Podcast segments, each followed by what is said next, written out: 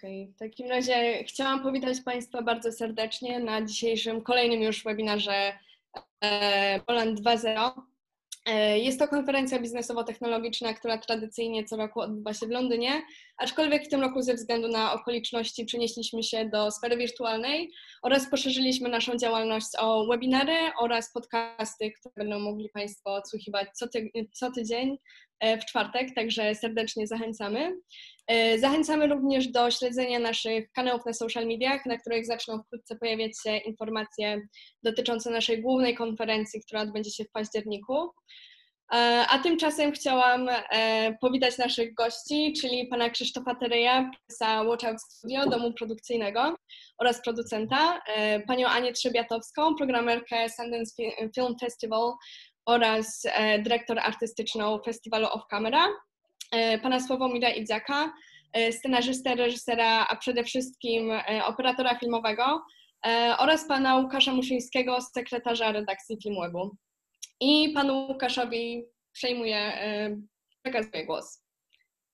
Dzień dobry wszystkim. Jest mi bardzo miło powitać Was na webinarze, w ramach webinaru Cyfrowa konsumpcja, konsumpcja kultury i myślę sobie, że okoliczności, w jakich wszyscy się znajdujemy jako widzowie, no, są chyba idealne do tego, żeby podjąć taki temat jak cyfrowa konsumpcja kultury, ponieważ nagle się okazało, że za sprawą pandemii koronawirusa, przymusowej kwarantanny, nagle e, ten wirtualny kanał e, stał się jedynym być może, a na pewno głównym e, sposobem na to, żeby obcować z kulturą.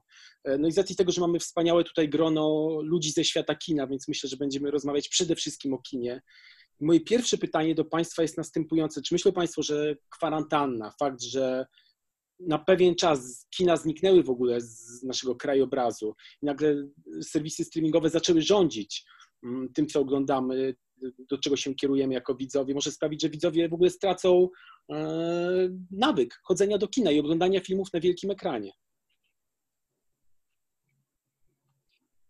Pytanie dobrze, pani Ania jako pierwsza. Proszę nie, moim zdaniem nie.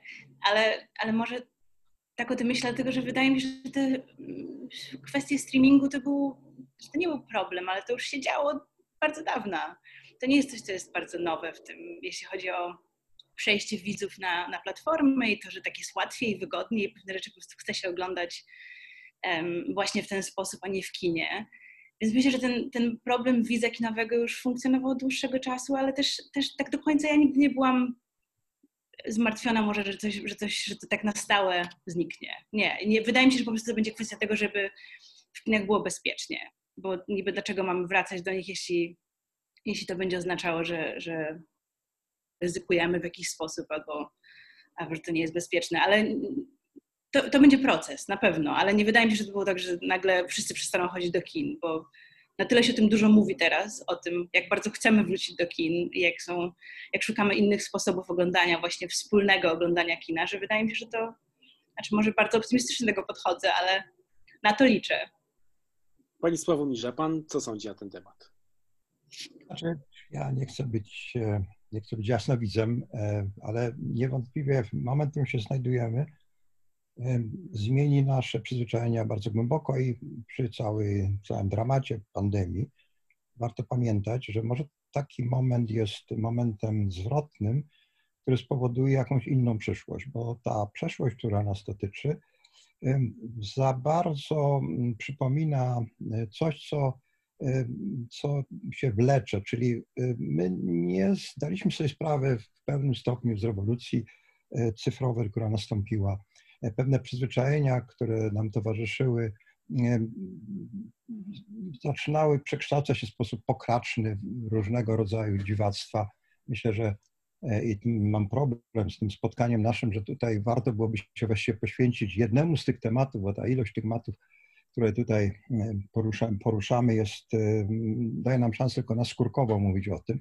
Ja jestem optymistą. Ja uważam, że że znajdując się w momencie zwrotnym, w ciemności, kiedy mam poczucie, że Ziemia się nas pozbywa, e, to być może powstaną e, i na pewno powstaną nowe formy komunikacji. One już są, ale ich struktura będzie inna. głębsza, ciekawsza, ale przede wszystkim sprawiedliwie rozłożona. My znajdujemy się w świecie niesprawiedliwości. To jest świat skolonizowany kulturalnie. My jesteśmy wszyscy kolonią kulturalną pewnej e, amerykańskiej kultury filmowej, studiów wielkich filmowych. I warto byłoby szczególnie, i to nie chodzi tylko o to, że rozmawiamy w języku polskim, ale warto byłoby zastanowić się, jak to zmienić z punktu widzenia europejskiego. Jako, jako Unia stworzyliśmy pewną, pewną jedność polityczną z znakiem zapytania, ale jesteśmy dalecy od tego, żeby stworzyć jakąś politykę wspólną, kulturalną. Mhm. Krzysztof, a ty co sądzisz na ten temat? Czy widzowie będą woleli zostać w domach, czy jednak kina, wielkie ekrany, doświadczenie kinowe przyciągnie ich z powrotem? Ja myślę, że tutaj patrząc na biznes, na fakty, może od tej strony ja spróbuję to ugryźć, pytanie, to myślę, że biznesowo no, każda z platform odnotowała duży wzrost użytkowników. To jest nie bez dyskusji. Widzimy te statystyki w Polsce, są to też międzynarodowe sytuacje, to nie przechodzi bez echa. Wyścig platform trwa, to się jakby nie zmieniło. Co to powoduje? Powoduje to to, że będzie więcej produkcji. Pytanie jakich? Pytanie tutaj, tu ja się zgadzam z panem Sławomirem, to co tutaj zostało powiedziane, że to wręcz moim zdaniem więcej produkcji spowoduje to, że te treści będą coraz bardziej profilowane, czyli moim zdaniem nastąpi jakiś podział tych treści na te, które widzowie chcą oglądać w kinie, na te, które może mogą troszkę mniej kosztować i nie zawsze trafiać do kina, bo można tutaj spojrzeć na rynek polskich filmów w perspektywie ostatnich lat, gdzie były problemy z dystrybucją, z tym, żeby znaleźć wolny weekend bez premiery polskiego filmu. Jeżeli jest dystrybuowanych 70 polskich tytułów rocznie w kinach, to pytanie, czy na nie wszystkie jest miejsce w kinie, czy może część z nich nie, nie odniosłaby większego sukcesu, gdyby służyła określonej platformie, która szuka tego typu filmów. I tutaj ja to nie, nie mogę, jestem, e, powiedziałbym, takim pokoleniem wychowanym już trochę na grach. I ja widziałem taką rewolucję cyfrową, która się zdarzyła, że gry były dystrybuowane jako pojedyncze egzemplarze w tradycyjnej dystrybucji, czy najpierw w jakichś kopertach, w pudełkach, w, w różny sposób. Następnie to się bardzo zmieniło na rzecz właśnie też bezpośredniego zakupu online, na rzecz update'ów tych gier. To bardzo zmieniło jakby całą kulturę, a to jest potężny rynek, który mi się wydaje, że tutaj szybciej reagujący niż nasz dotychczasowy. Myślę, że nasz jest bardzo za stałą sytuacją, też w tych relacjach biznesowych.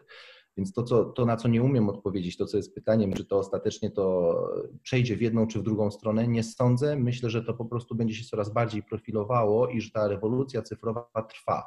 Zobaczymy, gdzie się tak naprawdę zatrzymamy w tym momencie, bo ten wyścig zbrojeń między platformami spowoduje to, że wydatki będą większe na produkcję, tylko pytanie, jakiego rodzaju to będzie oferta, jakiego rodzaju to będzie rozrywka czy sztuka.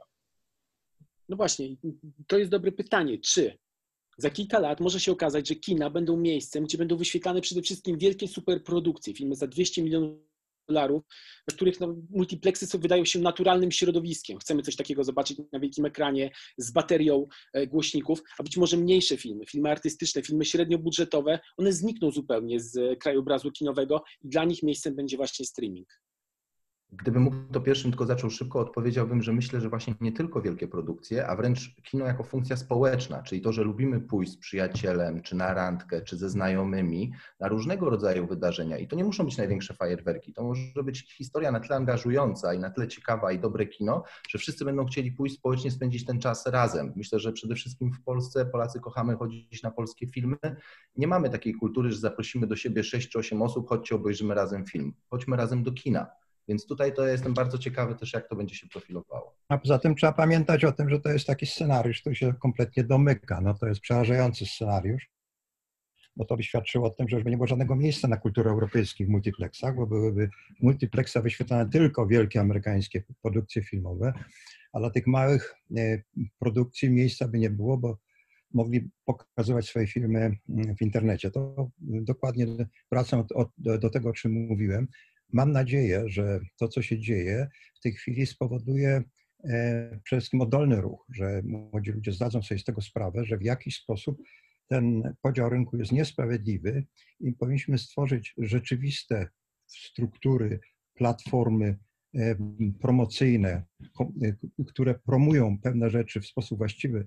Będziemy rozmawiać pewnie za chwileczkę o festiwalach, ale przecież ta formuła festiwali się już dawno zdewaluowała, ich jest za dużo to, co kiedyś funkcjonowało świetnie w Europie, było parę festiwali, rzeczywiście one filtrowały rzeczy gorsze od lepszych.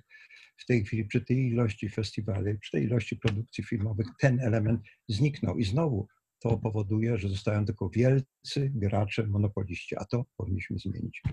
Pani Aniu, czy Pani się zgadza z tym, że festiwale filmowe zaczęły się dewaluować? Tracą na organizacji tego, że jest coraz więcej, jako przedstawicielka tego środowiska?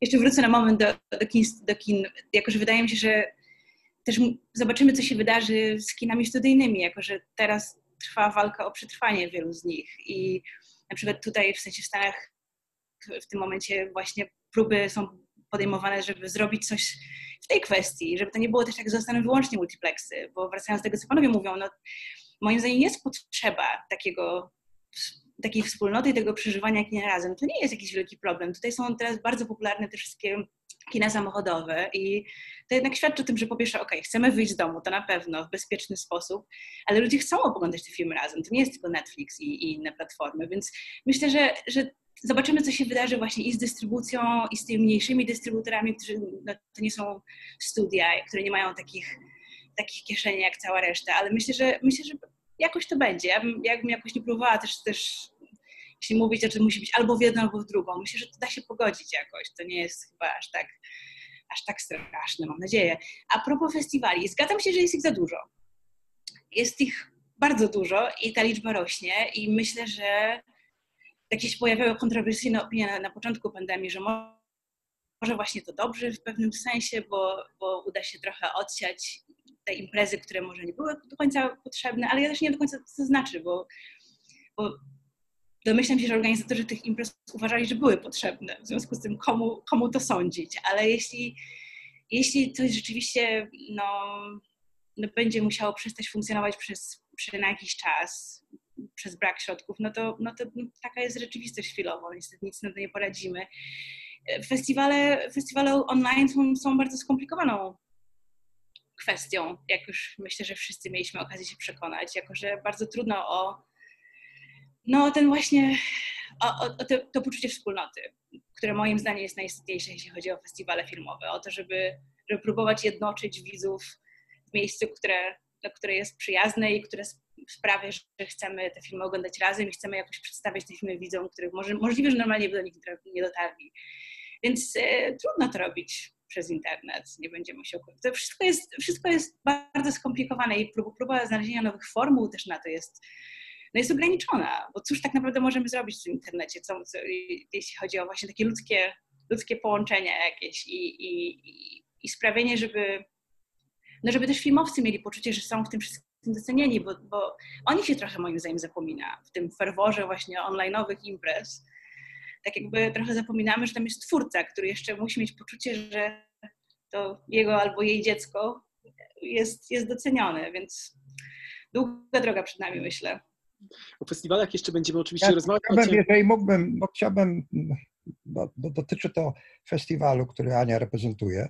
Jeden z powodów, dla którego wziąłem udział w tej dyskusji, czy biorę udział w tej dyskusji, jest właśnie obecność Ani i muszę tutaj powiedzieć dokładnie to, co najbardziej mi się podoba. To jest jeden z tych festiwali, które należy ze wszechmiar popierać, bo Festiwal Off Camera jest festiwalem, który przy bardzo dużych środkach e, promocyjnych, przy bardzo takiej rzeczywiście liczącej się imprezie europejskiej, bo to już nie jest tylko impreza polska, e, promuje filmy nobody, ludzi, którzy e, dopiero zaczynają, którzy dopiero startują. To jest niebywale zdrowe, to jest, to jest piękne w tym festiwalu. I jeszcze raz przy okazji osobiście Aniu gratuluję, bo to, co robicie jest fantastyczne. I właśnie tego powinniśmy oczekiwać, że nie wielkie festiwale, gdzie są ewidentne interesy finansowe, korporacyjne i tych festiwali jest coraz więcej i coraz bardziej są widoczne te interesy, tylko festiwal tak jak wasz, w którym chodzi tylko o jakość. I chodzi o tych, którzy dopiero zaczynają o którym jest najtrudniej, żeby wystartować. Ja gratuluję serdecznie tego, co robisz i co robicie.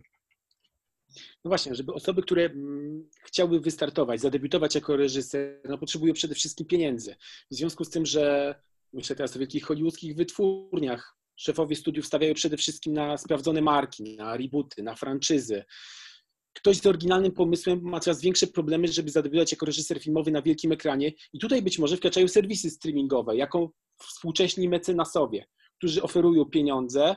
To są różne budżety, w zależności oczywiście od tego, jak, jaki stopień ma twórca, jak jest znany, jak ceniony, ale dają szansę na to, żeby zadebiutować, żeby swój oryginalny pomysł zrealizować, no i potem ten pomysł, żeby można mogli go podziwiać widzowie na całym świecie, więc to jest być może dobra strona tego, że serwisy streamingowe zyskują teraz gigantyczną siłę, znacznie większą niż kina.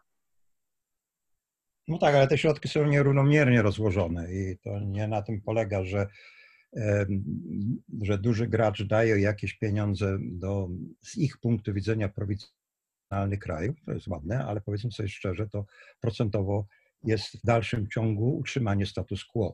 Większość tych środków zostaje w jednym miejscu. Ta autostrada pieniędzy, który płynie z całego świata w jednym kierunku, jest zawsze taka sama i w internecie też się pogłębiła.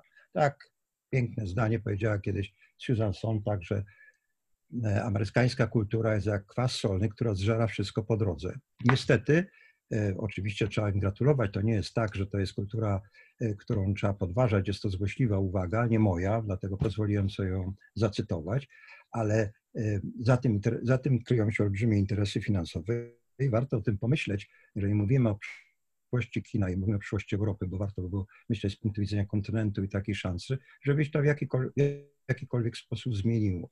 Czyli troszkę więcej graczy, troszkę więcej pieniędzy w Europie na, te, na, na, te, na tych młodych ludzi, którzy mają szansę tu wystartować, ale żeby wystartowali, żeby żyli za te pieniądze, muszą mieć platformę dystrybucji taką, która da im szansę się utrzymać, a tego nie widzimy.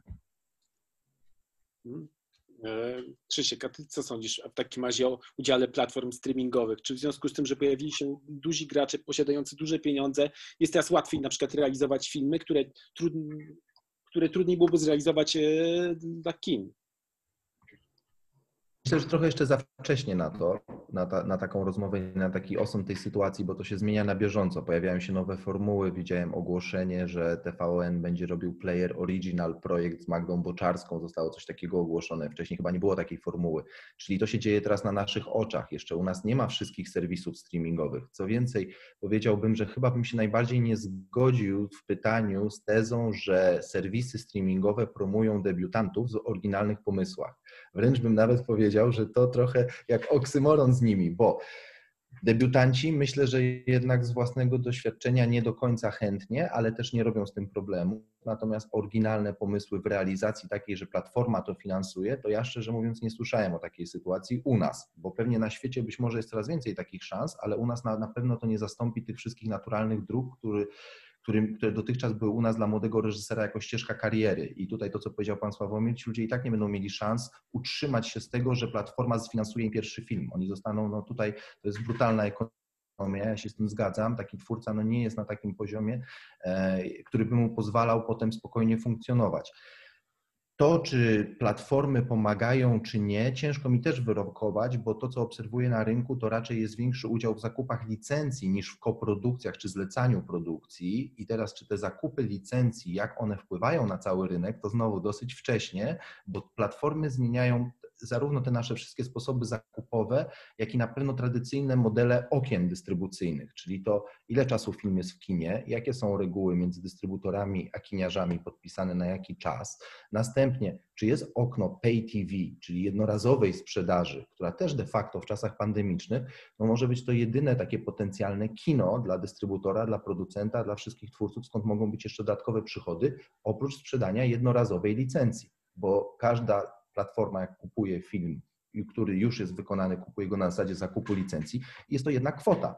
I te kwoty, no to nie są kwoty, które gwarantują ponad zwrot i nie wiadomo ile, tylko to są jakieś zawsze procenty budżetowe. Także myślę, że tutaj jeszcze przed nami takie czasy, gdzie dopiero myślę, że to jest też bardzo duża teraz praca do wykonania przez polskich producentów. My teraz w Polskiej Gildii Producentów zaczęliśmy też bardzo poważne dyskusje na temat tego, jak w ogóle my sobie wyobrażamy taką współpracę z platformami, jak my jako producenci jesteśmy zarówno pozycjonowani w tym kraju, jak i traktowani, jak my dbamy o swój wizerunek i jak my się prezentujemy ludziom, bo gdyby zapytać naszego widza w kinie, czym się zajmuje producent, no to ja mówię, to my mamy bardzo dużo do zrobienia, żeby to wytłumaczyć. I to w konsekwencji tylko może spowodować zdrowsze relacje biznesowe między producentami a na przykład platformami, bo czy to jest platforma, czy to jest kino, jest to dalej forma dystrybucji, w której Moim zdaniem producenci dzisiaj, a wtedy w konsekwencji wszyscy twórcy, nie mają prawa partycypować prawnie w tym łańcuchu przychodów, zysków, tego wszystkiego, co za tym idzie. Bo to rzeczywiście gro tych zysków jest monetyzowane na dużo dalszych odcinkach. I to są rzeczy, o których trzeba rozmawiać, bo tylko to może w konsekwencji spowodować, że na przykład twórcy mają wpisane success fee, czy tak samo młodzi reżyserzy. My mamy takie sytuacje i doświadczenia też z debiutującymi reżyserami i muszę powiedzieć, że to akurat było bardzo trudne w okresie pandemicznym, jak właśnie były dyskusje z dystrybutorami, bo na przykład to jest kwestia tego, jakie oni sobie wyobrażają, że powinny być filmy dzisiaj w kinach, bo operują badaniami dostarczonymi przez kiniarzy i wszyscy operują jakimś wyobrażeniem tego, co się wydaje, że będzie się oglądało, a czy jest miejsce na mniejsze, ambitne filmy. No i tutaj jakby my jako Watchout mamy taką filozofię, że wierzymy w ten storytelling, wierzymy w to, że jeżeli historia jest wystarczająco dobra, jeżeli to wszystko jest angażujące, to to się będzie zawsze broniło. I myślę, że to się zawsze odnosi do tego, czy widzowie chcą to oglądać. I tak samo ja bym to odniósł jeszcze uniwersalnie do, do, do, do pani Ani, to tak samo z festiwalami. Ja się tutaj zgadzam, że to jest, festiwale są tak potrzebne, jak długo mają swojego widza i ludzi, którzy chcą w tym uczestniczyć, chcą to przeżywać wspólnie, bo zgadzam się, że są potrzebne o najróżniejszych profilach te festiwale i te duże, i te mniejsze, i te średnie, tylko jest kwestia tego, czy są ludzie chętni. Jeżeli nie ma chętnych, no to rynek w jakiś sposób wtedy weryfikuje w takiej sytuacji pandemicznej. Mogę powiedzieć, że my mamy więcej pracy niż kiedykolwiek, nie dlatego, że jest jakby więcej biznesu, tylko dlatego, że tak dużo się zmienia i trzeba pracować dużo intensywniej z naszej perspektywy, żeby nadgonić za tym, co dzisiaj będzie najkorzystniejsze w tych realiach dla wszystkich, wszystkich uczestniczących w tym procesie, jakim jest powstawanie filmu. No, no właśnie, to jest ciekawe. Wspomniałeś o tym, że dystrybutorzy przedstawili Ci badania pokazujące, jakich historii, jakie historie chcieliby widzowie oglądać na ekranie. No właśnie, czego widzowie oczekują obecnie? Nie, nie, ja, ja bym powiedział tak, te badania to się zmieniają z każdym miesiącem, że w lutym, w marcu, w kwietniu już jest inna perspektywa, a w maju jeszcze inna. A film jest jednak długodystansową dyscypliną, krótko mówiąc, bo my film, który dzisiaj kręcimy w pandemii, e, planujemy premierę jesienią przyszłego roku. Także tutaj przewidywanie, jak będą wyglądały kina za rok i trzy miesiące, to ja jestem bardzo ciekawy, czy my możemy, my się na tym ciągle łapiemy w biurze, nawet rozmawiając o nowych projektach, co to znaczy, ile widzów potencjalnie może zobaczyć film. Dzisiaj nikt na to nie umie odpowiedzieć, bo wyniki z box office'ów to są po parę set, po parę tysięcy osób i nikt nie ma na to odpowiedzi. Więc to wszystko są predykcje, które się zmieniają z miesiąca na miesiąc i niestety ja wierzę w to, że trzeba robić projekty, w które się wierzy filmy, w które się wierzy, bo to się zawsze obroni. Nie można się poddawać tym trendom, które wynikają z jakichś bieżących badań. No właśnie, obecny box office no, na całym świecie, może poza Koreą Południową, tam rzeczywiście mnóstwo ludzi e, chodzi do kina, nie nastraja optymistycznie i wszyscy czekają na premierę filmu Tenet Christophera Nolana, który miałby zrestartować e, ruch, kin, ruch w kinach i sprawić, że widzowie z powrotem wrócą przed wielkie ekrany czy myślicie, że rzeczywiście Nolan ma szansę zbawić w tym roku kina i sprawić, że ten sezon, letni sezon, który zawsze przyciągał setki tysięcy, jeżeli nie miliony widzów w Polsce, jednak uda się chociaż w maleńkiej części nadrobić? Tylko co by to miało znaczyć tak naprawdę, że on zbawi cokolwiek, bo to, e, nie wiem, chyba krytyk New York Timesa napisał, że on umiera z ciekawości, żeby zobaczyć tego teneta, ale tylko tak metaforycznie, a nie, a nie naprawdę, że nie chciał raczej iść do kina i tego oglądać, bo, no bo no nie wiem, jak to miało wyglądać. W tym momencie tu są, tu są plany właśnie tego, żeby ten film trafił do kin już teraz za dwa tygodnie chyba. Było to przesuwane cztery razy. I, ale mowa o filmie, który został zrobiony za 200 milionów dolarów i oni muszą zarobić bilion na tym, żeby to w ogóle miało sens. I tego nie zrobią online, po prostu nie ma takiej opcji, myślę, więc, więc to jest jakby zupełnie inny model. I też, I też co, czy to byłby sukces, gdyby wszyscy nagle tłumnie poszli do kin, po czym natychmiast się rozchorowali? No ja nie wiem, w jakich gdyby kategoriach mamy to oceniać, bo akurat tu uważam, że Nolan no, zachowuje się jak dziecko, prawdę powiedziawszy, z takim właśnie namawianiem do tego, żeby pójść do, do kina na jego film, bo jest taki ważny i musi być obejrzany na dużym ekranie. No to jest trochę takie no, no ego najczystszej postaci i rozumiem, bardzo jest to dla niego istotny film. Ja też jestem ciekawa, ale no tak, no ale o czym, o czym jak gdyby rozmawiamy? O, o, o jakim sukcesie? No ja teraz będę bronił Christophera Nolana, bo wydaje mi się, że on jest przede wszystkim wielkim obrońcą doświadczenia doświadczenia kinowego i zdaję sobie sprawę, że jeżeli jakiś film może przyciągnąć tłumy ludzi przed ekran, no to przede wszystkim jest to premierowa rzecz, których nam brakuje e, obecnie w kinach. E, rzecz uznanego reżysera, no on oczywiście takim twórcą jest. Jest to super produkcja za ponad 200 milionów, łącząca elementy kina szpiegowskiego, science fiction, e, kina akcji, więc to może być wabik. Jeżeli ten jeden film sprawi, że widzowie odważą się wrócić przed wielki ekran, no to potem być może dystrybutorzy stwierdzą, że okej, okay, w porządku, ruch jest, więc my możemy też puszczać swoje rzeczy. Ale czy to jest odwaga? Czy to jest, ruszy powrotem. Bo o to mi chodzi, ja nie wiem, czy to jest odwaga, jaka w tym jest odwaga, żeby w momencie, kiedy nie jesteśmy pewni, że jest bezpiecznie, żeby do tego kina wrócić, żeby iść na, na pokaz, który ma właśnie się okazać, że, że się zarazi w tym momencie 30 osób. No, ja, o, o, tym mówię bardziej. Nie chodzi mi o samo. Ja nie odmawiam Krzysztofa jemu absolutnie prawo do tego, żeby wyświetlać swoje filmy, filmy tak, jak on uważa, że powinny być wyświetlane, ale no jest, to, jest to problem, uważam, tak czysto już ideologiczny. No poza tym, no nie wiem, czy zauważyć, zauważyliście, że miała być jakaś ogólna dyskusja, a nagle zaczęła być reklama filmu Nolana. No przecież to jest jakieś takie żarty. No. Dobrze, dobrze. Czy mamy rozmawiać o pewnym problemie, czy mamy reklamować kolejny amerykański film? No proszę pana, no przecież niech pan nie żartuje. No to jest chyba, to nie jest promocyjne. Rozmawiamy o Ja nie wiem, do czego jestem zaproszony, bo ja nie zostałem zaproszony do tego, żeby promować przez przez film web amerykański kolejny film. Ja wiem, że panu za to płacą, ale to jest poważna dyskusja, poważny problem. Ja chciałbym, żeby zachować ten standard. Dobrze. Tak się składa, że akurat Warner Bros. nic mi nie zapłacił za promocję filmu Nolana, a film Nolana na pewno jest częścią tego zjawiska, w którym obecnie jakby no, wszyscy funkcjonujemy. Ale okej, okay, chciałem porozmawiać też o zmianach. O słowo jedno, bo ja bym tutaj upatrywał się czegoś innego. Nie tyle w tym wspomnianym poprzednim filmie, ale bez wymienienia tytułów była wielka produkcja amerykańska, która trafiła na przykład w pierwszej kolejności sprzedażowej na serwis transakcyjny. Zakończyło się to jakimś klinczem między studiem a kiniarzami, po czym oczywiście został osiągnięty kompromis, w którym film trafi docelowo do dystrybucji kinowej i studia amerykańskie dzisiaj eksperymentują ja myślę, że to jest ciekawsze do rozmowy, do tego właśnie na przykład, jak ten wspomniany wcześniej film mógłby trafiać do dystrybucji, żeby nie wzbudzać takich kontrowersji, żeby być bezpiecznym. I czyli szukamy nowych modeli. Próbujemy tak, zobaczmy, co się stanie, jak przez dwa tygodnie jest do kupienia w zaporowej cenie, jednorazowej. Być może jest to nagle hit. I oni to tego szukają, to badają. Dla mnie za każdym razem to jest jakby jakiś dowód na to, że oni dzisiaj nie wiedząc, my możemy się tylko przyglądać, wyciągać swoje wnioski to trochę jak z premierą właśnie Wielkiej Bajki, która też miała być promowana i wiadomo, że ta duża wytwórnia wyznaczy ten termin, kiedy będą się czuli na tyle bezpiecznie, żeby wpuścić ludzi do kina. No, tutaj... No, ale dotyczy to właśnie pieniędzy. Wie pan, ja wszystkie filmy amerykańskie, które zrobiłem, wszystkie, tak. miały dodatkowe dni zdjęciowe.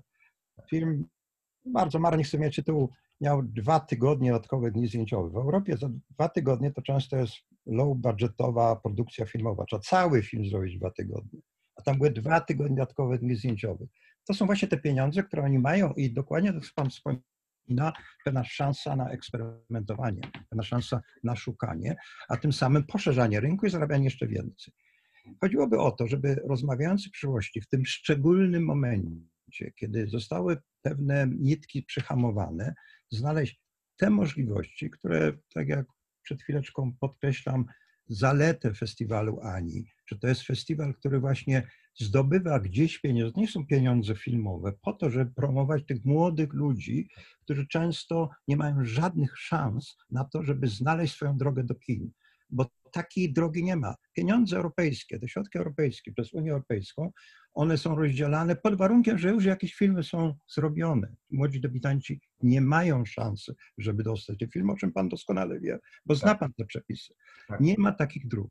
Czyli jeżeli chcemy serio prowadzić tego typu rozmowy na, tak, na, tak, na takim ogólnym poziomie, to myślmy o pewnych scenariuszach, które tu i teraz w Europie dla młodego filmowca, dla młodego człowieka stworzą im szansę zaistnienia. I żeby to nie były szanse pod stołem, wicie, rozumicie, tylko żeby to były szanse w jakiś sposób nowo zdefiniowane, bo one niestety są bardzo źle zdefiniowane, o czym też wszyscy wiemy. No dobrze, to w takim razie, czy festiwale organizowane w wersji online mogą mieć taką samą siłę promocji i pomocy dla młodego artysty, niż te organizowane w formie tradycyjnej? Czy to jednak nie jest tak, że jakby trochę się to rozproszy, bo tego, że to wszystko odbywa się w sferze wirtualnej? Nic nie jest takie samo już z założenia, więc jak gdyby wydaje mi się, że, że podstawowym problemem niektórych festiwali, które obserwuję, było to, że próbują odtworzyć coś, co się działo wcześniej. Co jest nie do zrobienia w tym momencie. Nie możemy odtwarzać, musimy zrobić coś zupełnie nowego i próbować to zrobić dobrze.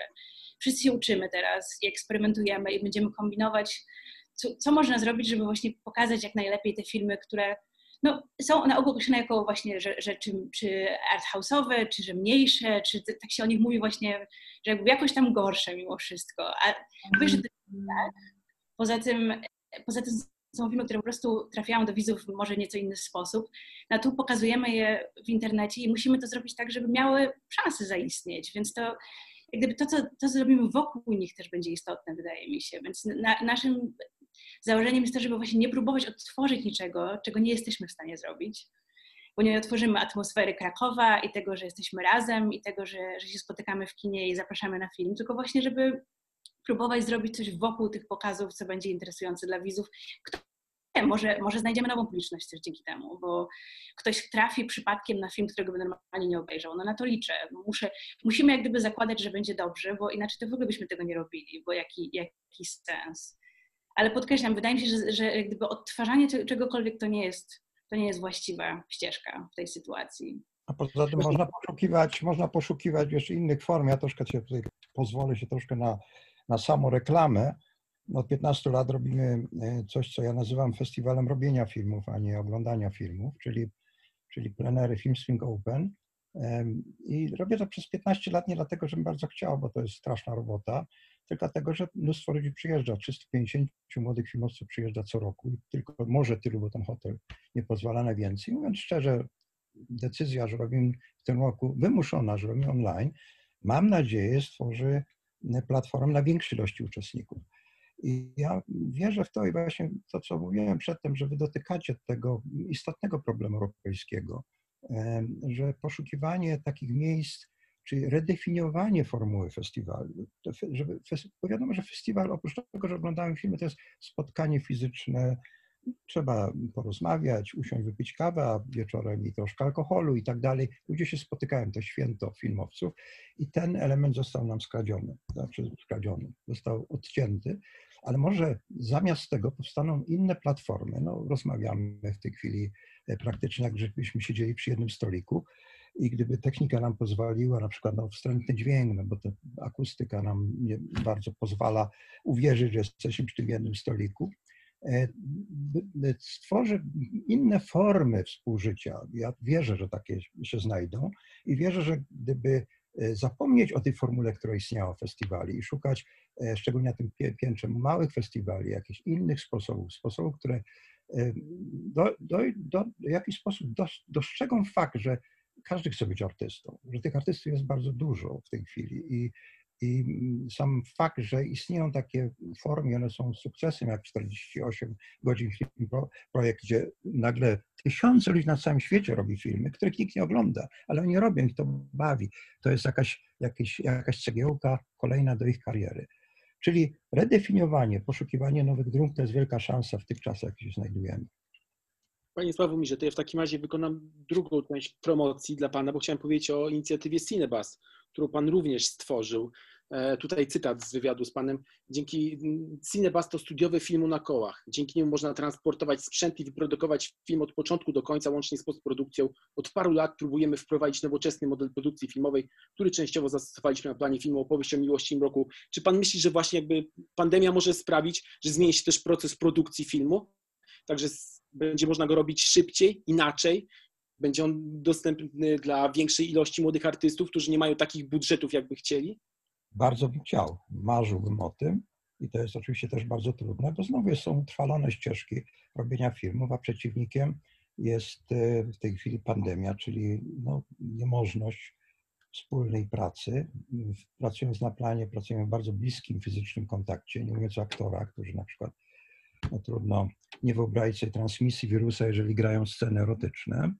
E, więc e, tutaj ten problem jest olbrzymi. On, jeśli chodzi o produkcję filmową, jest problemem etycznym, ale też mam nadzieję, że on będzie wymuszał pewne zmiany systemowe. E, robiąc kiedyś projekt Cinebusa, szukałem takiej możliwości i on został budowany, jest budowany i używamy go do robienia małych filmów, używamy go do przede wszystkim promocji tej idei na różnych kursach E, które robimy w Europie e, i w Polsce. E, to jest też pewna, i nie chcę chwalić swojego ogródka, bo to nie to, to jest jedna z prób, która mówi o tym, że można inaczej, że można inaczej produkować film, można te filmy produkować taniej, bo moim zdaniem za dużo pieniędzy znika w źle funkcjonującym systemie.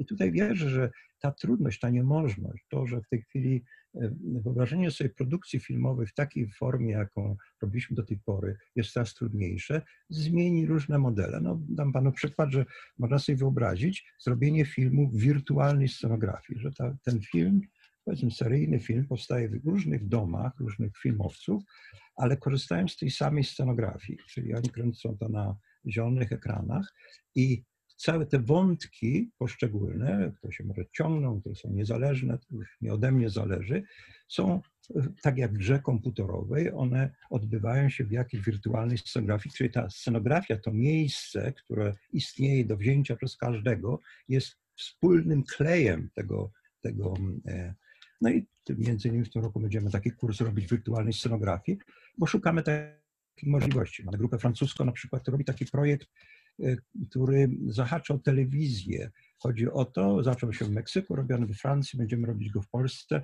że internauci wpływają na los bezdomnego, konkretnego bezdomnego. Obserwują jego życie, czyli to jest taka, to jest, to jest forma quasi dokumentalna, ale jednocześnie E, jednocześnie widzowie mają aktywny wpływ. Nie jesteśmy tylko widzami i obserwujemy, ale też możemy w jakiś sposób wpłynąć na e, tego widza.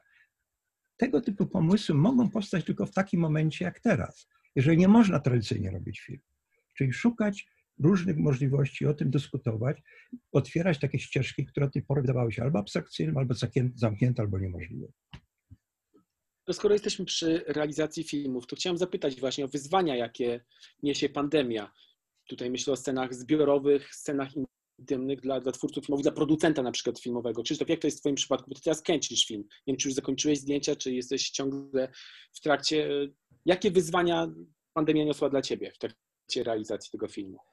Mamy taki świetny zespół osób, że dzielimy się obowiązkami i podzieliliśmy się tutaj na dwóch producentów. Jest Kuba Razowski, który od początku to był jego projekt serca. On razem z reżyserem robili jego poprzednią krótką formę film. Oni bardzo wiele lat za tym projektem chodzili.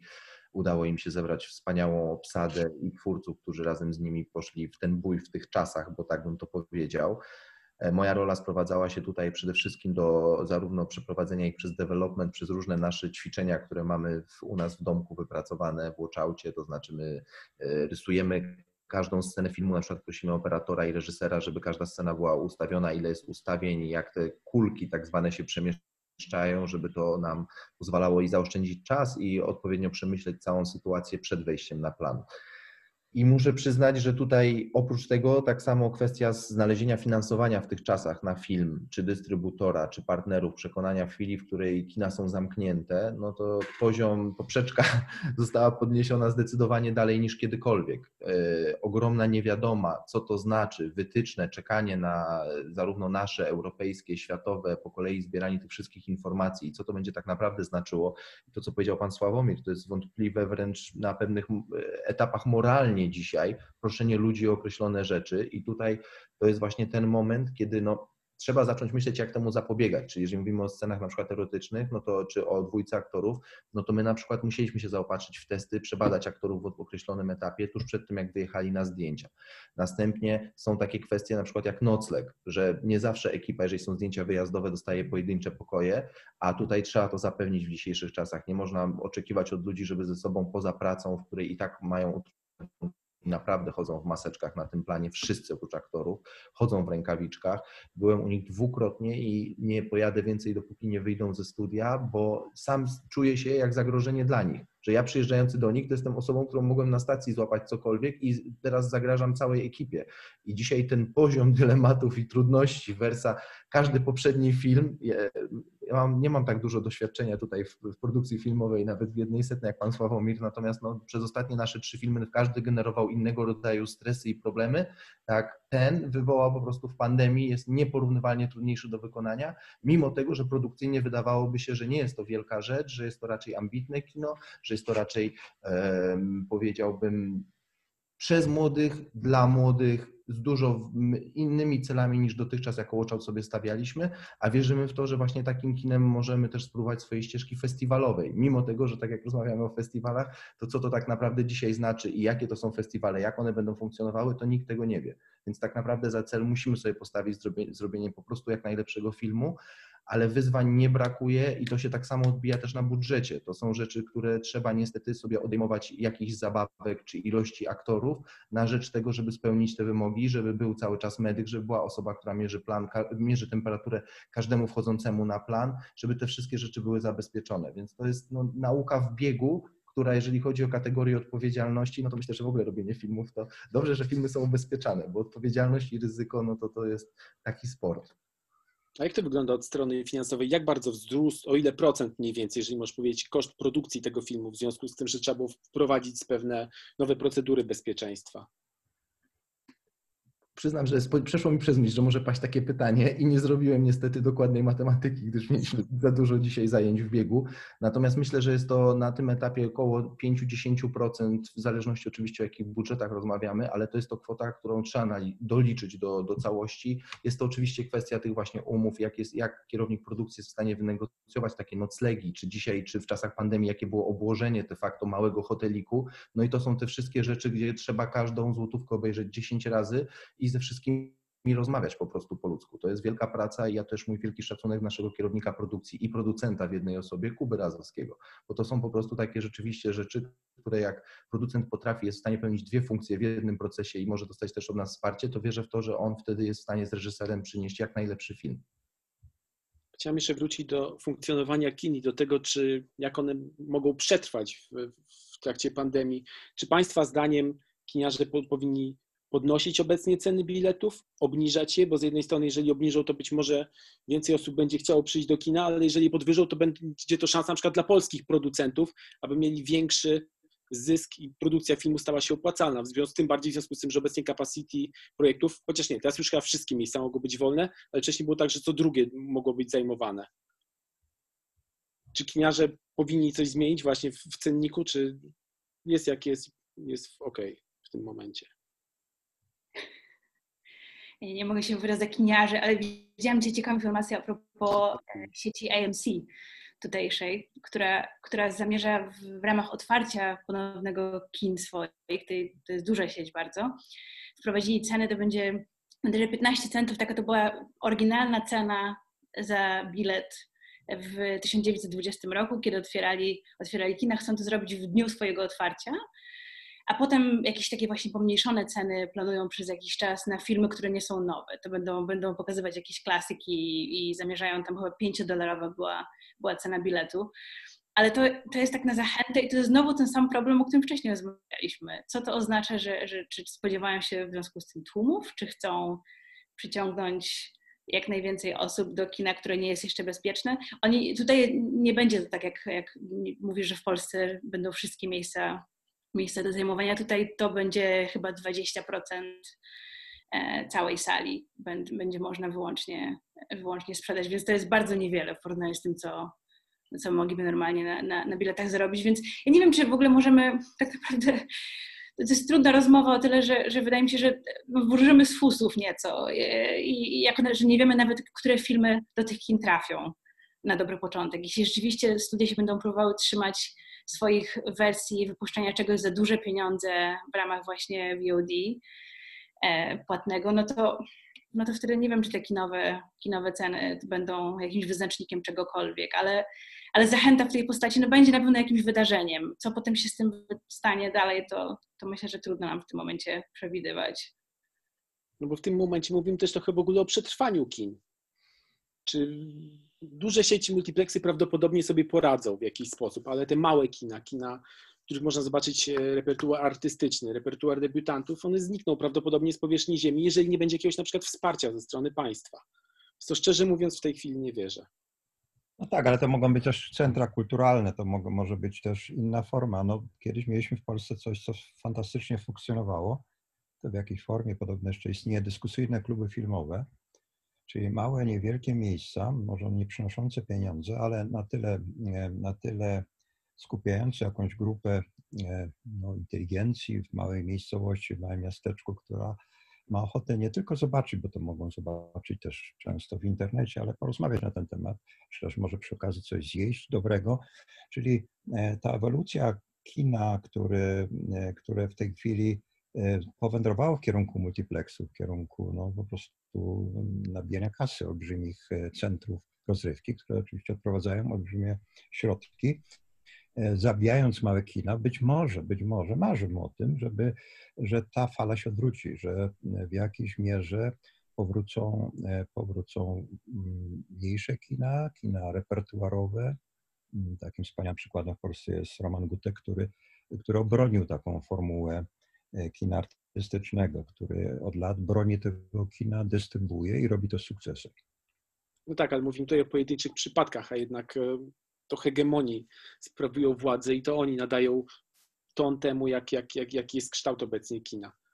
Ja bym tutaj odpowiedział może tylko, że o cenach to rzeczywiście zgadzam się, w ogóle nie ma co dzisiaj rozmawiać, bo te kina nie funkcjonują w tym sensie komercyjnym, więc cokolwiek, co się dzisiaj dzieje, nie jest żadnym odnośnikiem. Tu się mogę tylko odnieść do sytuacji przed pandemią, że obniżki cen w kinach, które nastąpiły i były drastyczne, można powiedzieć, zimą, z punktu widzenia widza i zachęcenia większej ilości widzów wchodzenia do kina, to jest to absolutnie słuszna metoda i słuszna strategia.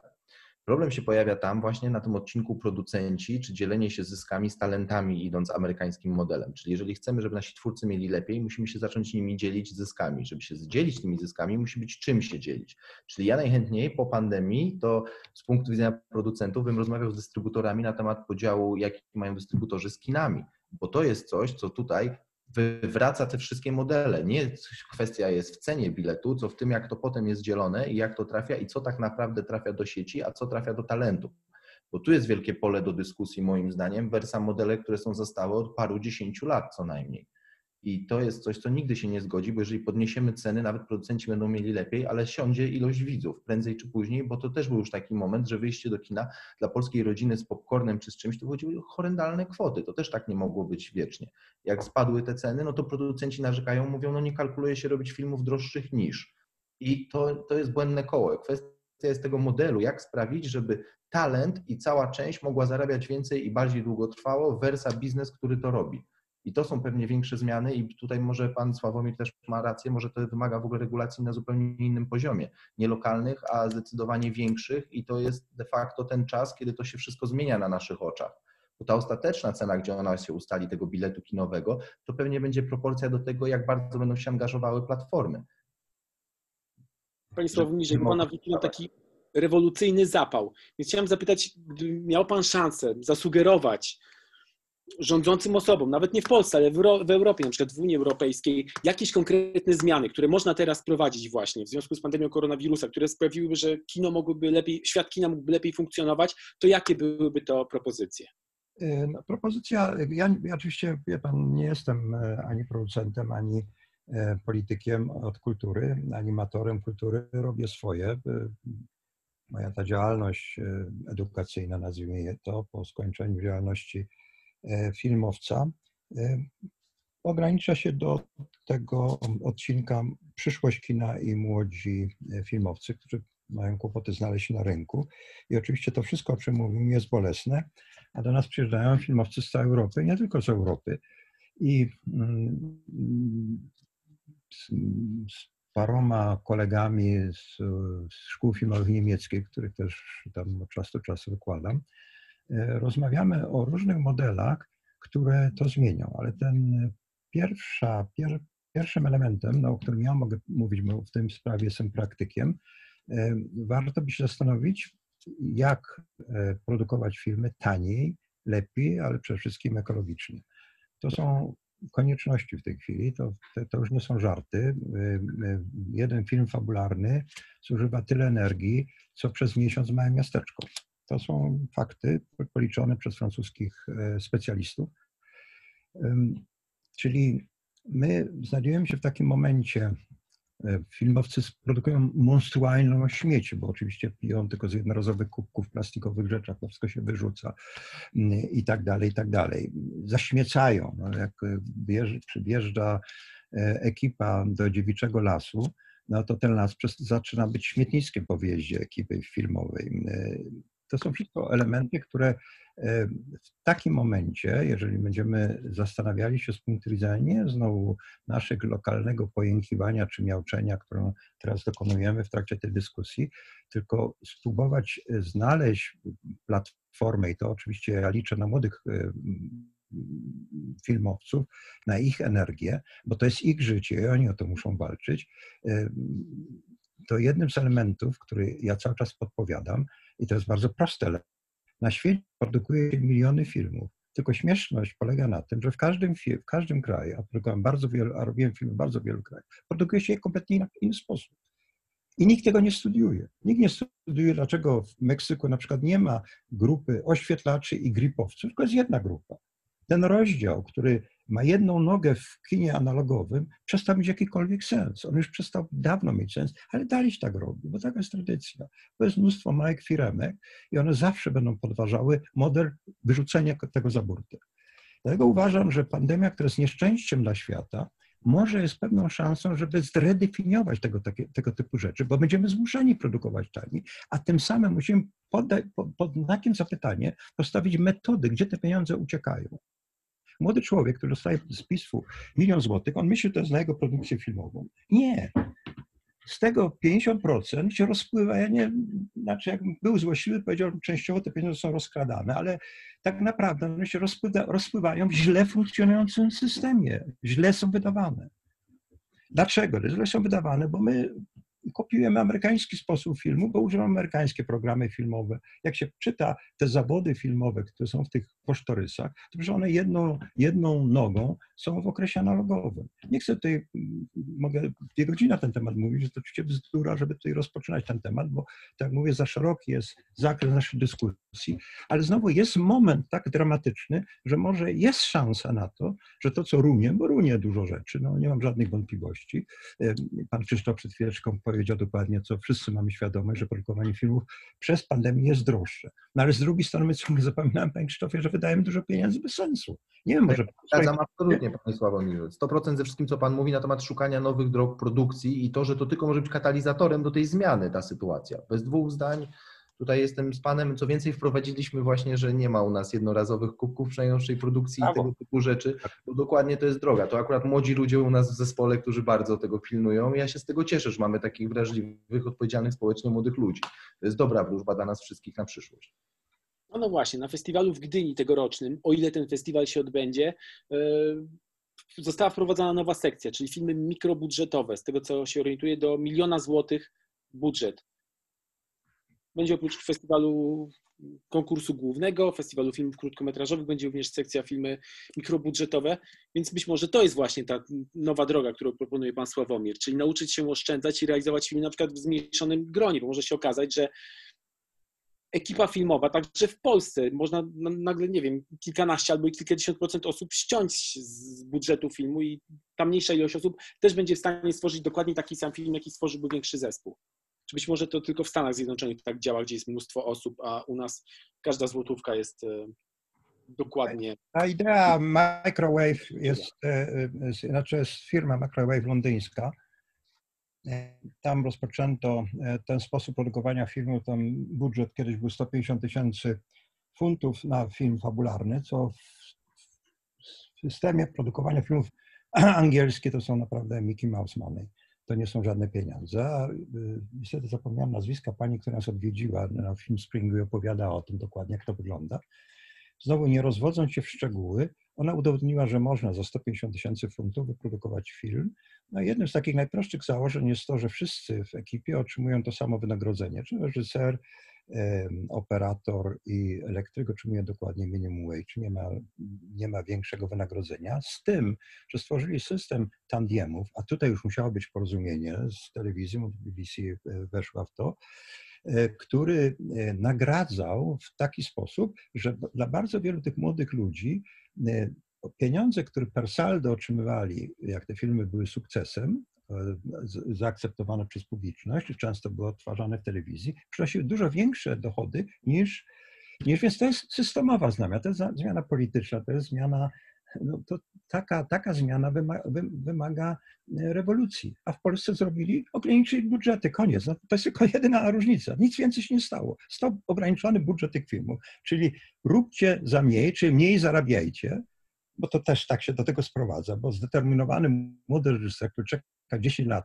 na robienie filmów, nawet dołoży swoje pieniądze, e, żeby go skończyć, nie oczekując żadnego zarobku, będzie wierzył, że jak zrobi, to zrobi następny film i zarobi. Oczywiście to jest też nieprawda, będzie znowu czekał ileś lat na kolejną szansę, szczególnie jak ten film nie będzie najlepszy.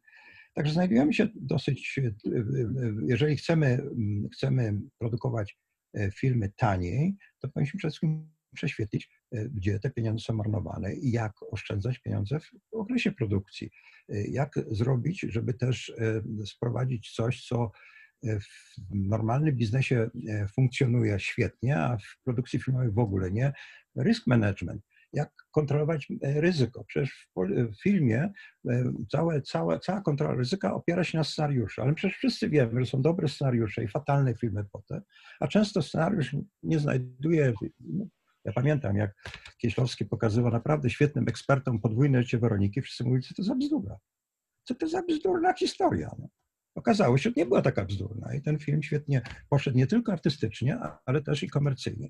Także powiedzmy w cudzysłowie, uważam, to był zawsze dobry scenariusz, ale, ale w cudzysłowie ze złych scenariuszy powstają świetne filmy, bo, bo inaczej y, zostały przesunięte akcenty. No nie będę się o tym, na tym rozwodził, ale to jest bardzo proste przeprowadzenie y, tej kontroli ryzyka y, w podobny sposób, jak to robią w biznesie programistycznym. Nie robi się programu gdzieś na końcu świata w Ameryce, jeżeli się dowiedzą, że Chińczycy tego robią, no bo, bo to się nie opłaca, no nie ma sensu. Pani Aniu, a jak wygląda organizacja tegorocznego festiwalu Off Camera? Chciałem zapytać o wyzwania właśnie, jakie wiążą się z pandemią koronawirusa. Tegoroczna edycja będzie odbywała się w formie online, e, w formie zupełnie wirtualnej. Jak to będzie wyglądało? No i czy generalnie jakby, jak, jak organizacja tego festiwalu wygląda? Jak różni się od tego, co było rok temu? Już trochę wspomniałam na ten, na ten temat, że rzeczywiście to było, to było trochę takie wyzwanie pod tytułem zróbmy nowy festiwal, no bo, no bo nie możemy udawać, że, że, że będziemy odtwarzać coś, coś, co robimy w Krakowie, ale stawiamy na twórców i tak jak zwykle zresztą i spróbujemy stworzyć platformę dla nich do takiego zafunkcjonowania w Polsce e, w ramach tego, co zawsze robimy, czyli próbujemy rzeczywiście wspierać nowe talenty i no i mam nadzieję, że to się uda. Mam nadzieję, że dzięki temu rzeczywiście, że, że dostęp będzie trochę szerszy do, do publiczności. To nie, to nie będzie tylko Kraków i nasi goście zaproszeni, tylko, tylko to, będzie, to będzie wydarzenie, w którym będzie można brać udział skądkolwiek w Polsce. To liczę na to, że może właśnie dzięki temu uda się nam doprowadzić tę nową publiczność do, do filmów, na które może by nie trafili tak, tak czy na Netflixie, czy na innych, na innych platformach, tak na ogół. A poza tym też właśnie, żeby stworzyć jakąś taką formę wymiany no, w tej postaci, w jaką teraz mamy, jaką dysponujemy. No, niestety jest ona ograniczona, ale wydaje mi się, że, że uda się nam zrobić coś ciekawego. No, przygotowujemy się do tego od kilku miesięcy już, jako że w momencie, kiedy się okazało, że rzeczywiście nie mamy, nie mamy szans zrobić niczego, niczego na żywo, to zaczęliśmy, zaczęliśmy planować inne wersje i no, tak jak mówię, ograniczenia są takie, jakie są, ale wydaje mi się, że same spotkanie z twórcami i to, jak to będziemy robić, to, to, to będzie interesujące. I, no i zobaczymy, zobaczymy, co się wydarzy. Mam nadzieję, że po prostu wrócimy do Krakowa w przyszłym roku. No, nie, nie będziemy. Ale też właśnie dodam, że wydaje mi się, że ten komponent e, wirtualny to może być dobra rzecz na przyszłość dla festiwali. To, żeby jak gdyby próbować pójść w tym kierunku trochę bardziej i, no i przyjąć do wiadomości, że to jest nasza przyszłość. No, że świetnie się spotkać na żywo, ale spróbujmy też jednak, jednak zrobić coś ciekawego wirtualnie. A czy sporo obejrzała Pani filmów, które zostały zgłoszone do tegorocznej edycji, które dotyczyły pandemii? Były na przykład nakręcone na gorąco w, no, cztery ściany? Na, na Massacre of nie, bo byłoby za wcześnie. My, my mieliśmy się odbyć w kwietniu, więc program był, był gotowy w momencie, kiedy się okazało, że nic z tego nie będzie na żywo, ale, ale pod kątem Sundance tak, no to już, już jako, że jesteśmy w w pełnym, e, w pełnym rozrządku, jeśli chodzi o, o przygotowanie, to, to, oglądamy dużo filmów, które powstawały już teraz, krótkich głównie, jako że pełne metraże, to myślę, że dopiero będą, będą się pojawiać za jakiś miesiąc, ale, ale tak, tak, jest tego sporo i no, jakość jest różna, ale, ale każdy robi co może, więc dobrze. Jak zawsze. Znalazłem takie słowa w sieci należące do Timura Bekmambetowa. To jest e, kazachski reżyser, który w Rosji nakręcił między innymi Straż Dzienną i Straż Nocną, potem nakręcił filmy w Hollywood, między innymi kasowy film ścigania. Jest teraz producentem i wymyślił sobie taki format screen life, imitujący ekran tabletu, komputera lub smartfonu, zrealizował w ten sposób niskobudżetowe dreszczowce jak Unfriended i Searching i one zarobiły bardzo duże przy niskich budżetach i on powiedział coś takiego. Od tego, co się dzieje teraz, nie ma już odwrotu. Znajdujemy się w nowej rzeczywistości. To rzeczywistość ekranów, poprzez które komunikujemy się, wyrażamy siebie i rozwijamy pomysły. I on uważa, że w ogóle tak film już się teraz tylko powinno kręcić. Przez smartfony, tablety, tak żeby można je było oglądać na małym ekranie. Czy to jest droga, którą mogą przyjąć młodzi filmowcy? Znaczy ja nie wierzę. No, tak jak mówiło się, że kino zabije teatr, tak nie wierzę w to, że pandemia zabije tą um, ścieżkę, którą w jakiś sposób podążamy, ale mam nadzieję, że ją w jakiś sposób odświeży i, i odświeży w sensie pozytywnym dla młodych, no, dla młodych artystów. Nie chodzi tylko o Europę, no, dla tych, którzy dopiero startują, którym jest e, szalenie trudno. I e, wracając do tego, co Ania powiedziała, ja też zostałem zmuszony w tym roku zrobić film Spring Open, e, który w październiku zaczynamy online całkowicie ze względu na bezpieczeństwo. I, I, w jakiś sposób jestem szczęśliwy, że tak jest. I to wcale nie znaczy, że w przyszłym roku chcemy z tego zrezygnować, dokładnie co chwilę, co przed chwileczką Ania powiedziała, ale to jest też poligon doświadczalny, który miałbym mniejszą odwagę zrealizować bez takiego pretekstu, w cudzysłowie, jakim jest pandemia, to jest poligon doświadczalny czegoś, co oczywiście teoretycznie możemy rozważać, ale jak to się będzie sprawdzało e, w praktyce, no to już jest e, osobna sprawa. No, to, co ja przed chwileczką zauważyłem, że w związku z tym, że siedzicie w różnych pomieszczeniach, to dźwięk, obrazki są no, takie, jakie są, mniej więcej podobny, podobny, podobny format. Pan producent troszkę za, za dużo powietrza nad głową ma, ja w ogóle nie mam powietrza nad głową, więc już powiedzmy, jako operator widzę, to się słabo by montowało, ale powiedzmy, że to jeszcze jakaś przychodzi, ale dźwięk jest, bo ani jest akustyka okropna, bo się odbija od tych, jest duża, duża ilość echa i tym samym nie mam poczucia, że znajduję się w jednym wnętrzu. Więc znowu jest wezwanie do, e, do, do programistów, do techników, do akustyków, żeby wymyślić takie filtry, takie algorytmy, żeby ten dźwięk powodował, że znajdują się w jednym miejscu. Myślę, że w przyszłym roku coś takiego będzie, że będziemy rozmawiali, będziemy mieli poczucia, że jesteśmy w tym samym pomieszczeniu, a nie, że się akustycznie akustycznie to, e, to rozbija, nie mówiąc o tym, że, e, że no już są takie programy, że możemy wprowadzać E, to samo tło, no, że nasz, na, na, na, na nasze zbliżenia będą funkcjonowały w tej samej już wirtualnej rzeczywistości, która tam powiedzmy ma jakieś znaczenie do tematu, o którym rozmawiamy. No ale to wszystko brzmi bardzo przerażająco, jak rodem z filmu, nie wiem, Ready Player One Stevena Spielberga, że wszyscy siedzimy w miejscach, służy jakiejś społecznej izolacji. Ja zawsze mi się wydawało, że kino to jest sztuka zbiorowa, kiedy ludzie spotykają się na jednym planie, wytwarza się jakiś szczególny rodzaj energii. Wydaje mi się, nie wiem, może mówię teraz bzdurę, że jednak e, nie da się tego samego stworzyć przez ekran komputera. Co da się stworzyć będąc na jednym planie zdjęciowym wspólnie. Tego Pytam, tak i nie. No. Znaczy, ja na przykład uważam, że jest taka bariera ekonomiczna. Dla bardzo wielu ludzi, których gdzieś pojechanie na festiwal, e, zamieszkanie w hotelu jest dużym wydatkiem, możliwość, że odbywa się to za darmo no, ułatwia mu uczestnictwo. No, więc to jest jedna z zalet niewątpliwie i którą należy popierać. A, a oczywiście jest olbrzymia ilość wad, które no właśnie wynikają z braku tych bezpośrednich e, kontaktów, czyli z czegoś, co jest szalonym elementem, fantastycznym elementem festiwalu, że tam się łączą jacyś ludzie, poznają, e, potem powstają jakieś grupy twórcze, e, ktoś się poznał z kompozytorem na, na tym, potem go zaprasza do robienia filmu wspólnie festiwale czy różnego rodzaju warsztaty są takim miejscem, gdzie tworzycie coś, co, z czego film żyje. Film to nie jest działalność jednego artysty, to powstają zespoły twórcze i, i to jest najtrudniejszy element, zbudować wokół siebie ludzi, którzy, którzy w jednym kierunku ciągną tą, tą, ten, ten bardzo skomplikowany e, i produkcyjnie i artystycznie projekt.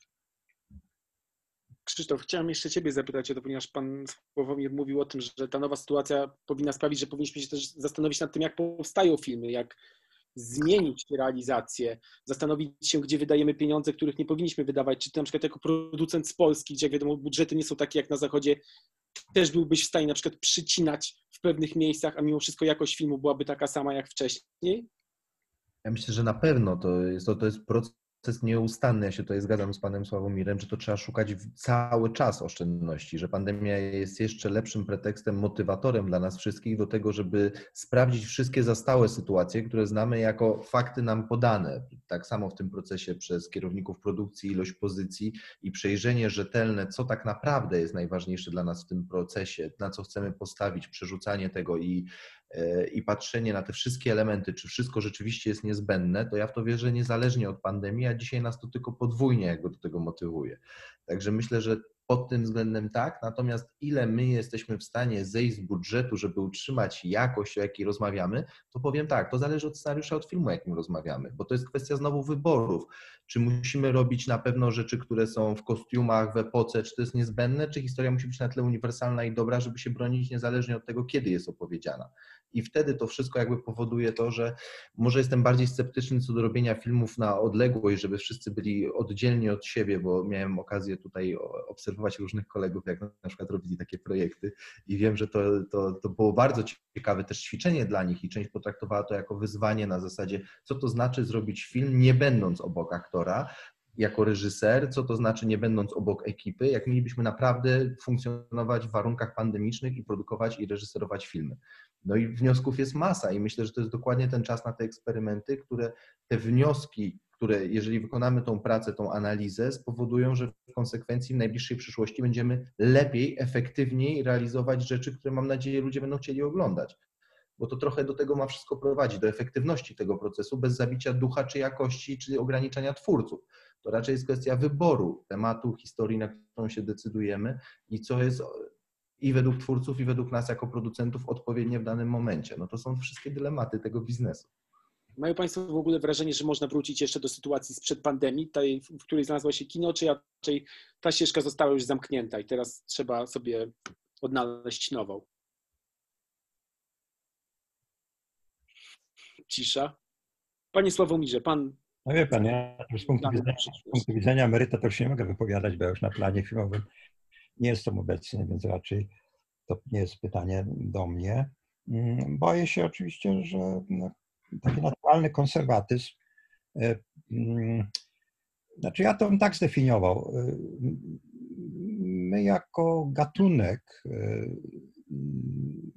bardzo łatwo akceptujemy nowości techniczne pod warunkiem, że to nie zmienia naszych przyzwyczajeń siła przyzwyczajeń jest nieprawdopodobnie wielka i to widać wyraźnie w tym przejściu z kina analogowego do cyfrowego.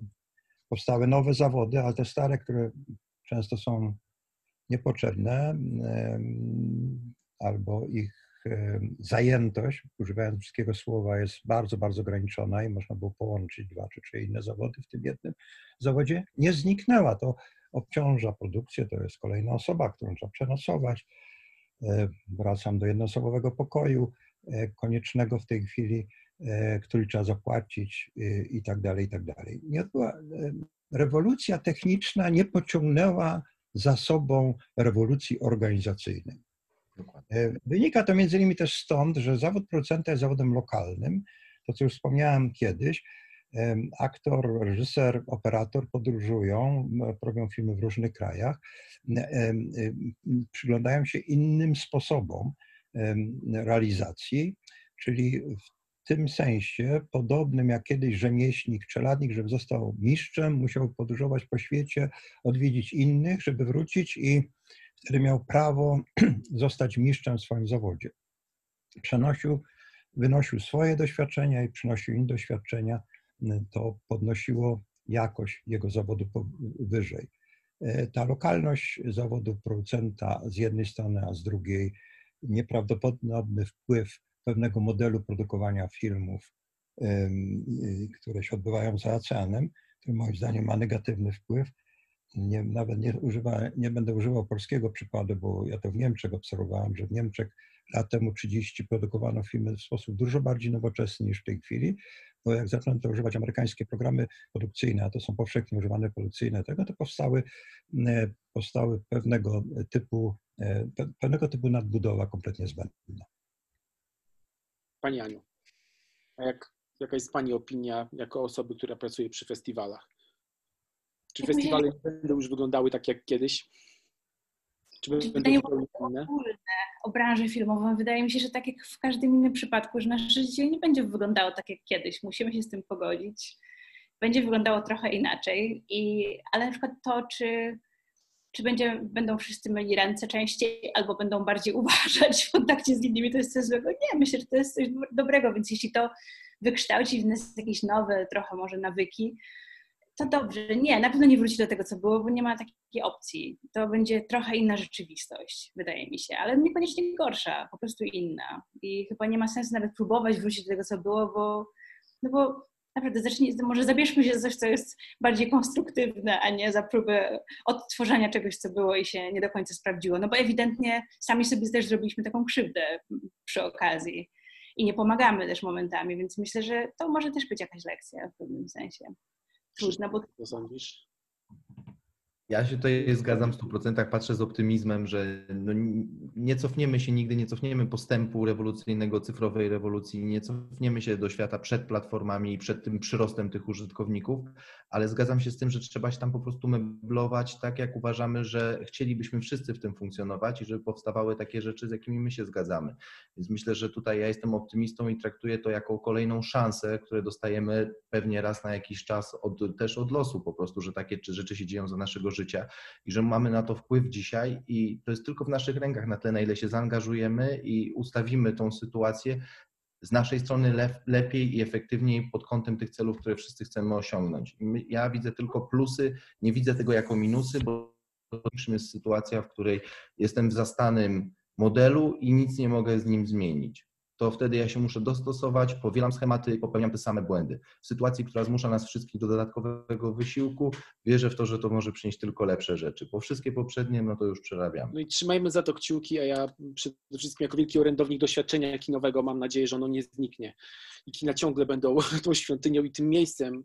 Jako zbiorowość, jako miłośnicy, fanatycy kina będziemy mogli się spotykać, aby wspólnie przeżywać filmy, doświadczać podobnych emocji, a potem po wyjściu z kina dyskutować o nich e, i przetrawiać to, co zostało z nami pod powiekami. Bardzo dziękuję. Anna Trzebiatowska, Sławomir Idziak, Krzysztof Terej, Łukasz Muszyński. To był webinar, webinar Poland 2.0 pod tytułem Cyfrowa konsumpcja kultury. Ten webinar wkrótce znajdzie się prawdopodobnie na YouTubie, znajdzie się e, na przeróżnych serwisach streamingowych e, z podcastami, więc będą go mogli Państwo obejrzeć, odsłuchać zastanowić się e, nad tym, co dalej z kinem. Dziękuję bardzo. Dziękuję bardzo. Dziękujemy.